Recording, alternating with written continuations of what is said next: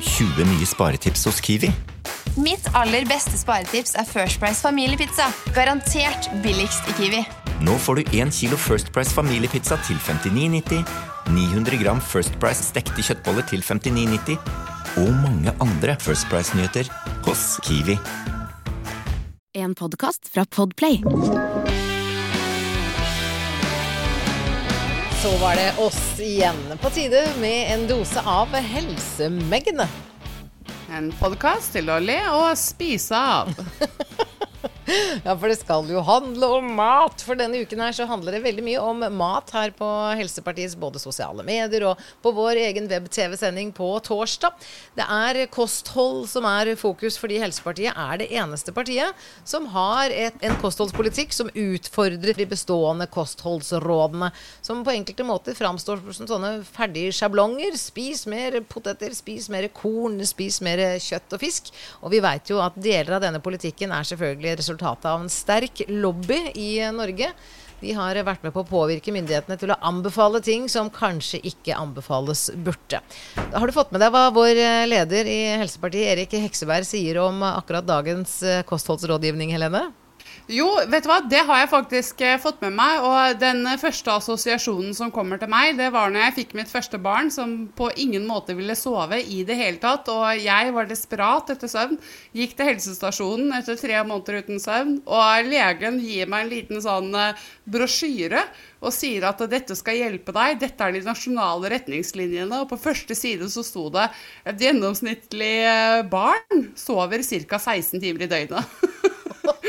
Så den brosjyren kasta jeg i gulvet og sa takk skal du faen meg ha, og gikk hjem. Eh, og jeg føler at det, det samme er det med de nasjonale retningslinjene for kosthold. Dette passer, altså Disse rådene passer vel antageligvis for familien og barna til den personen som har skrevet disse rådene. Da.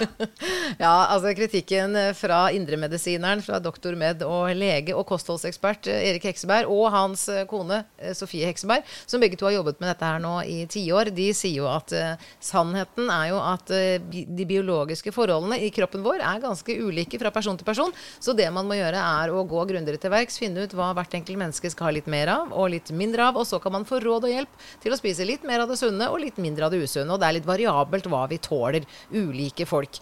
Så eh, disse kostholdsrådene vi holder oss med i dag, for det første så er de ikke oppdatert på 20 år. Det er ikke så lenge siden jeg var i en debatt med Helsedirektoratet, og de innrømte det, at disse her er ikke oppdatert i forhold til ny forskning de siste 20 åra.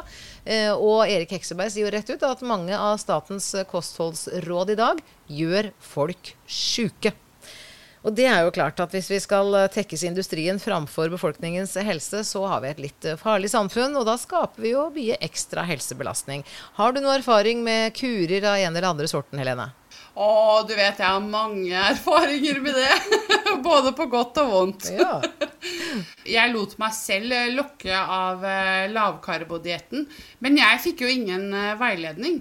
Eh, dette var jo bare noe jeg fant på nett og tenkte at dette skal jeg prøve. Så jeg levde på fett og fløte i eh, kanskje Jeg tror jeg holdt på i syv-åtte måneder, ja. men jeg gikk i hvert fall ned 35 kilo. Du gikk ned 35 eh, kilo. Når var dette her, da? Hvor langt tilbake var dette? her? Eh, det vet du hva, Dette er ganske mange år siden. Det var eh, et par år etter at jeg hadde fått eh, min førstefødte, og han er 21, så da er vel dette kanskje 17-18 år siden, da, sånn Ja. cirka. Så gikk det noen år, og så ble jeg plutselig fryktelig dårlig eh, hjemme. Og var altså så syk at jeg til slutt ble frakta til sykehus og innlagt på intensiven. Og da hadde jeg betennelse i gallegangen, galleblæra. Eh, en eller annen bukhinne, og det var, det, altså, det var liksom bare betent over eh, alt. Oi, hva hadde skjedd? Eh, og jeg, ja, og det var det jeg sa også. Hva har skjedd? Hvorfor har dette skjedd? Jeg skjønner ingenting. Eh, og da sier jo legen det at ja, har du drukket mye sprit? Og jeg bare hæ, nei, jeg drikker jo ikke sprit. Jeg skjønte ingenting. Fordi at dette kokte ned til leveren. Så sier han nei, men da har, da har du hatt et veldig høyt inntak av fett, da. Fordi at jeg hadde overbelasta levra og galleblæra mi for å bryte ned det fettet jeg inntok. Og det var ikke lite jeg inntok, altså. Det var mengder med fett. Men jo mer fett jeg spiste, jo fortere gikk jeg ned. Selvfølgelig fordi at jeg ikke inntok noen karbohydrater eller noen former for sukker, da. Men allikevel så skal man jo kanskje vurdere litt hvilke organer da, som skal ta støyten når man bestemmer seg for å gå på en sånn diett. Og det er jo der jeg tenker at her må jo staten og regjeringen faktisk eh, ha litt retningslinjer og kunne tilby litt hjelp og veiledning til mennesker. Fordi at for noen så er en lavkarbodiett utrolig gunstig. Men kanskje ikke så overdrevet, da. Som eh, den måten jeg valgte å gjøre det på. Men jeg hadde ikke noe eh, veiledning, fordi at de nasjonale retningslinjene de var jo ikke i nærheten av det jeg spiste. Nei, og de nasjonale Eh, de retningslinjene nasjon- er jo ikke oppdatert Nei. en dag i dag heller. Nei, jeg skulle spise De nasjonale retningslinjene sa jo at jeg skulle spise grovbrød og drikke melk, og det var jo ikke måte på. Det var jo, dette var jo det motsatte av det jeg gjorde, for jeg ville jo ned i vekt. Men så ser jeg jo også det, dette har jeg jo sett i yrket mitt også, at vi har diabetespasienter og andre pasienter som faktisk ville hatt nytte av en lavkarbokosthold. Eh, Men kanskje ikke så ekstremt. Og det er jo derfor vi trenger retningslinjer. fordi at vi kan, altså Her kan ikke folk eh, sette grenser sjøl. Her trenger vi litt veiledning, tror jeg, for at vi ikke skal eh, skape sykdom, men holde oss innafor de verdiene som gjør at vi kan skape helse. Ja, Tilbake til eh, Helsepartiets politikk. Det er jo akkurat det individuelle vi ønsker å legge vekt på. Og når man er hos legen, så er det ikke helt uvanlig å ta en blodprøve eller to. Og det er det som trengs. Du trenger en blodprøve. Da får du et bilde av hvordan det står til med biologien din. Og ut fra det så er det ikke noe hokus pokus å kunne fortelle litt om hvilke altså Om man ikke har allergier, så er det mange som har litt intoleranse, som reagerer litt negativt på ulike ting. Og på sikt så vil da et kosthold som sliter på helsa di, kunne skape sykdom. Akkurat som for mye fett, kanskje feil type fett. Kanskje du reagerte på noen proteiner i melkeproduktene. Det var i hvert fall noe som gjorde at du utviklet en betennelse. Dette her ville man kunne sett hvis man innførte disse blodprøvene, og at eh, leger fikk mer kunnskap om hvor potent mat er for den helsa og for det immunforsvaret vi utvikler. Og ikke minst for de sykdommene vi utvikler. Og det var jo helt klart at du hadde fått i deg for mye av Møllers tran, holdt jeg på å si. Så du ja, burde jo men det er, jo, det, er jo, det er jo det som er hele paradokset her. Det er jo at mat er medisin, Mm. men mat er også gift. Så, så det er jo der vi trenger å få oppdatert disse kostholdsrådene og få en anerkjennelse for at dette er faktisk individuelt. Det er veldig forskjellig fra menneske til menneske hva man har nytte av, og hva man har godt av, og hva man tar skade av. Så tenker jeg på mat. altså Vi forholder oss til mat i hvert fall tre ganger om dagen, alle sammen. Og når man ser eh, hvordan man innreder butikkene, så er det ikke noe tvil om at sukker har jo fått en ganske lukrativ plass, særlig de siste ti meterne ned mot eh, kassa. Og det er jo ikke noe tvil om at det påvirker blodsukkeret forferdelig mye. Og det er jo nettopp den der usunne blodsukkervariasjonen, at blodsukkeret går opp og ned og opp og ned. Det er den som skaper ubalanse i hormonene. Det er den som kan skape betennelsestilstander. Det er den som skaper ubalanse i det som egentlig bør være jevnt, nemlig et best mulig blodsukker, som er greit i hverdagen, men når du skal trene sånn, ja, så trenger du litt ekstra. Men du trenger ikke å ta masse sukker og masse sjokolade og masse godteri fordi du har stått i kø til kassa og ikke klart å motstå å ta med deg to sjokolader hjem. Da er vi på en måte litt ute å kjøre. Samtidig så sier jo ikke Helsepartiet at du ikke skal kose deg. For kose deg skal du selvfølgelig, for det handler om sjela di også. Man skal ha det godt. Men man må på en måte ha muligheten til å ta noen litt sunnere valg, og dette handler om politikk. Så Erik Hekseberg har et forslag, han er jeg spent på hva du syns, om følgende, Helene. Ja, få høre. For eh, noen år siden så kunne man kjøpe røyk i kassa. Det var en lav terskel, og mange kjøpte røyk. Så satt man røyk bak, eh, bak grå skap, og eh, det gikk ned. Jeg tror det var 33% som røyka for bare noen tiår siden. Til nå er vi nede i rundt 11-12% Så det er mange mange færre som røyker i Norge. Så hva om vi begynner å sette sjokoladen ikke bak noen grå skap, men la oss si alle disse sukkervarene som i dag står midt i fristelsespåsynet de siste meterne ned mot kassa, setter dem i et eget rom, og kanskje til og med med litt lavere temperaturer, for sjokolade holder seg bedre ved lavere temperaturer. Sånn at man må gå inn i det kalde rommet for å få tak i det aller mest usunne, nemlig sjokoladen og, og kanskje potetgullet. Hva du tror? Ja, her har jo jeg noen sterke meninger. Få høre.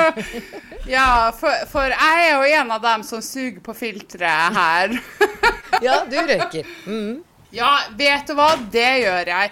Og eh, det er usunt, og det er ugunstig, og jeg skulle ønske at jeg ikke gjorde det. Jeg vet at det tordner, jeg hørte det. Oi, tordner hos deg. Ja, nå kom Kristian og rev av meg hodetelefonen, for det smalt noe så inn i helvete her.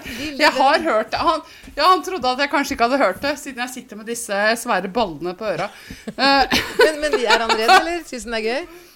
Nei da, de, nei, for at de vet at jeg har kontroll på det. Hvis det blir ille, så slår jeg av alt, og så drar jeg ut stikkontakter. Eh, så vi er ikke der ennå. Du hører Helsemegene med Lise Askevik og Helene Spro, og det handler om kosthold. Og Erik Heksebergs forslag om å sette sjokolade inn i egne kalde rom, og ikke la dem friste folk som står i lange køer foran kassa. Har Helene tro på det? Nei, tilbake til eh, det med merking eh, av det som er usunt. For jeg er jo selv en av dem eh, som tar meg en røyk noen ganger iblant, en sjelden gang. Eh, noen ganger i heftig rekkefølge i raseri over et eller annet. Det kan skje, det også. Og gunstig er det jo ikke. Eh, men noe må jeg tenne på. Det er, heller, det, er altså, det er, bedre at jeg tenner på røyken enn at jeg tenner på kåken. Eh, når det er sagt, så tenker jo jeg, jeg Pluggene har jeg brent opp for lenge siden. Eh, det er derfor jeg ble med i Helsepartiet. Eh, men men det, det jeg tenker nå, da, når, jeg, når vi skal sitte og regne på konsekvensene av disse livsstilssykdommene, da? Hvor, hvor mye koster det staten ikke sant? at f.eks. sånne som meg røyker, da, så tenker jo jeg det at hvorfor skal vi ha dødningehoder og mennesker på dødsleie på sigarettpakkene når vi ikke har eh, bilder av svære eh, blodpropper da, på McDonald's-burgeren?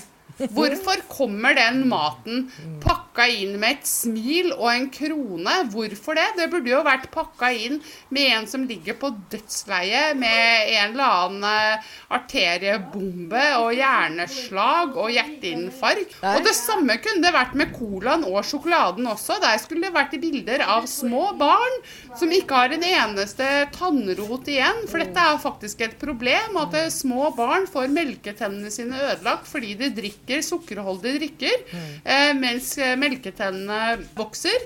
Og dette her får man jo ikke gjort noe med, ikke sant? Og der sitter de da med en kjeft som er helt grusom, og dette er smertefullt, og det krever en del for å fikse dette her. Og det er et kjent problem der tannleger er bekymret over eh, munnhelsen til barn som er under ti år i Norge. Men de får ikke gjort noe med det, fordi at eh, da må de i tilfelle bevise at foreldrene handler med overlegg, og det gjør de ikke, fordi at det er ikke kunnskap om det. De handler i idioti, og det kan du ikke arrestere folk for. Og så var det jo, og, og ja, og ikke bare det. Eh, når vi er ferdig med smågodtet og hamburgeren og colaen, la oss gå over til pilsen. Eh, den er jo godt kontrollert i Norge. Det er jo sånn at eh, så lenge vi bare får kjøpe øl mellom åtte på morgenen og åtte på kvelden, så skal du ikke ha noen som er verken alkoholiker eller slår kona si eller kjører i fylla. Nei. Eh, dette vet vi, dette stemmer ikke, altså. Så det der er egentlig bare tull. Du kan selge alkohol døgnet rundt, det spiller ingen rolle. Eh, Så nå føler jeg at da er det også på tide med å ha bilder av ihjelkjørte barn på Carlsbergflaska Carlsberg-flaska, f.eks. En sønderslått kjerring burde jo eh, pryda etiketten på Borg-boksen. Det ville jo vært på sin plass. Altså, ja, men hvis vi først skal ta tak altså, For jeg bare kjenner at nå ble jeg litt provosert. fordi at vi, vi snakker alltid om å eh, dekorere røyk- og snuspakkene ikke sant, med alle disse advarslene. Og så tenker jeg at dette er jo ingenting i forhold til de truslene vi faktisk lever med i Norge. Og der, og der er faktisk alkohol og sukker ligger langt foran eh, røyk når det gjelder helseskader. Ja, det gjør det. Så vold i hjemmet, barnemishandling, drap og eh, Altså, det er jo ikke noe tvil om at sigaretter ikke er av det gode, men som du sier, det finnes eh, andre ting som kanskje er minst like skadelige, og kanskje burde de merkes like stramt. Så i sum, da, etter denne lange utredningen, kjære Helene, er du for å sette sukkervarer i et eget kaldt og uvennlig rom med et isgufs og sorte gardiner foran? Eh, For å være helt ærlig så tror ikke jeg at det hjelper. Eh, Du kunne også satt eh, all ølen inn i et rom med en svær glassdør hvor det, står, hvor det står 'Dette er porten til helvete. Er du sikker på at du vil gå inn?' Jeg går inn hver fredag.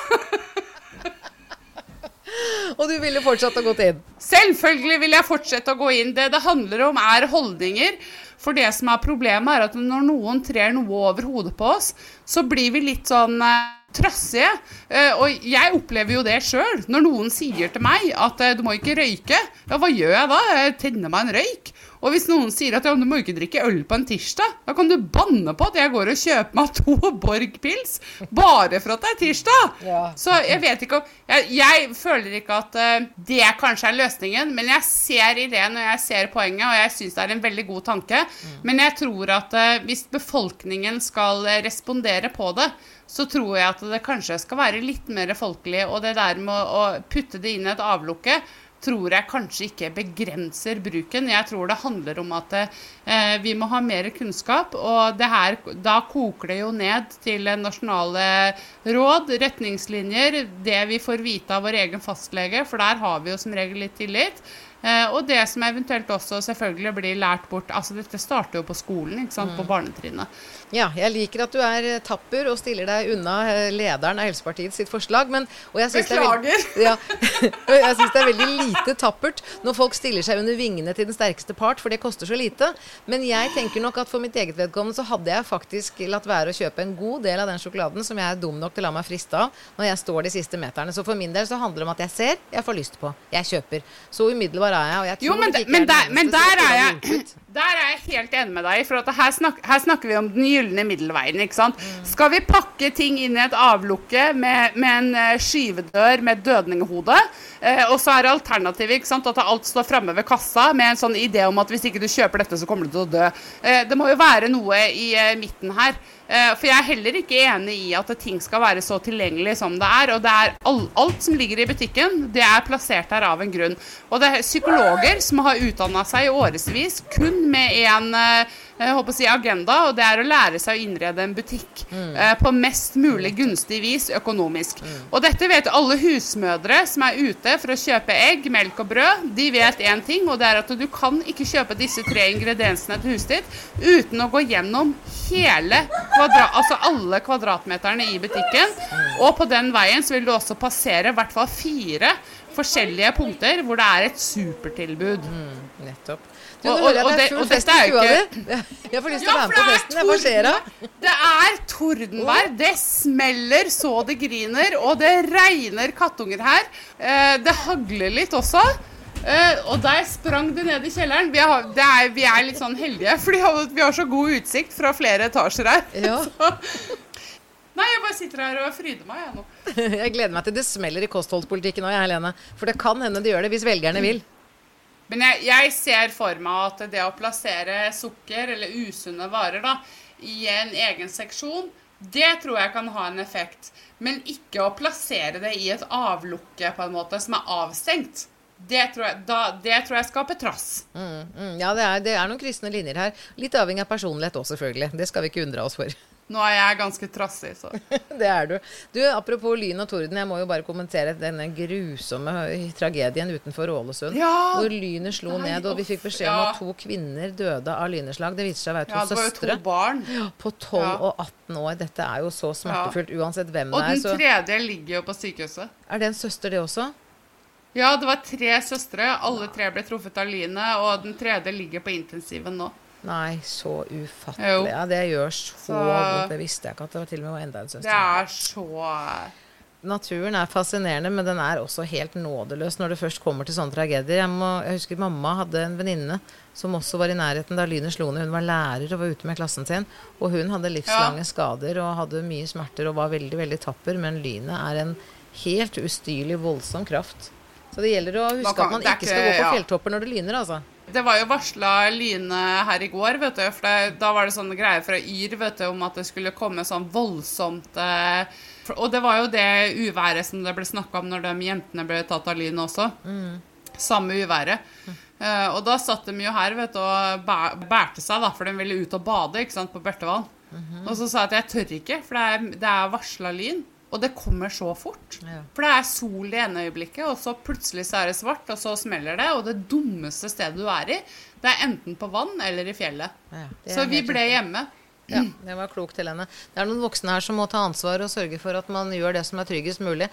Eh, min mor tar av seg alt hun har av smykker, så tar hun på seg gummistøvler, så går hun inn på do, og så låser hun døra! For sikkerhets skyld! Ja, det er noe med å låse døra, da slår ikke lynet til. Nei, og så prøver jeg å si til henne at hvis lynet slår ned i leiligheten din, så er du den som dør først. Fordi at du har låst deg inne. Det er ingen som kan redde deg ut. Hun er så redd for tornevær. Det er så rart, for du har fått en datter som elsker det. Nei, vet du hva, jeg skal ikke si at jeg elsker det, men jeg var hjemme hos faren min i Aurskog nå, det er ganske mange år siden, for jeg tror jeg var ikke mer enn 18, kanskje 17-18 år. Så slo lynet ned i huset Ja. mens jeg var hjemme, og så skjedde det liksom ikke noe. Det, det, var, altså, det var sånn sot inni lampene, og var et par ting som var ødelagt og sånn, men det skjedde ikke noe mer enn det, da. Og da, og da ble jeg litt sånn overraska, da. For jeg trodde jo det at hvis lynet skulle slå ned, så skulle verden eksplodere. For da hadde jo jeg lært av mamma. Ja. Så jeg ble sånn, det var sånn antiklimaks. Det var sånn Hæ? Jøss, var det ikke verre? Nei. Så etter det så har jeg ikke vært redd. Det er jo så bra, da. Jeg har faktisk hatt akkurat samme erfaringen, jeg òg. Men det slo riktignok ned hos naboen, og dette var på 70-tallet. Og da var vel muligens disse husene bundet sammen av noen telefonledninger og noen strømkabler, så det smalt noe voldsomt nedi huset vårt òg. Men det skjedde ikke noe Ja. mer enn at det var et kjempesmell, og at det var noen sikringsbokser som gikk til H. Men uh, Ja. det var i, i sum en litt skuffende opplevelse. Jeg hadde trodd det skulle Ja! ta mye mer. Ja, det var så, Jeg også var, ble jo kjempeskuffa. Og, den, og det huset der, det sto jo på leire. Ja. Og det huset vi er i nå, står jo på fjell. Ja. Så, så jeg skjønner jo det at hvis huset Altså hvis lynet mot alle odds da skulle treffe direkte på huset, eller lynavlederen her, Mm. så ville det jo ikke skje noe. Nei, med med lynavleder så skulle du være ganske trygg. Med dunder og brak, kjære Helene, takk for i dag. Nå tror jeg vi skal sette strek. Er du med? Jeg kryssa streken for sju år siden.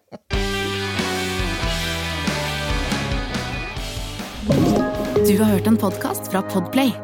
En enklere måte å høre podkast på. Last ned appen Podplay, eller se podplay.no.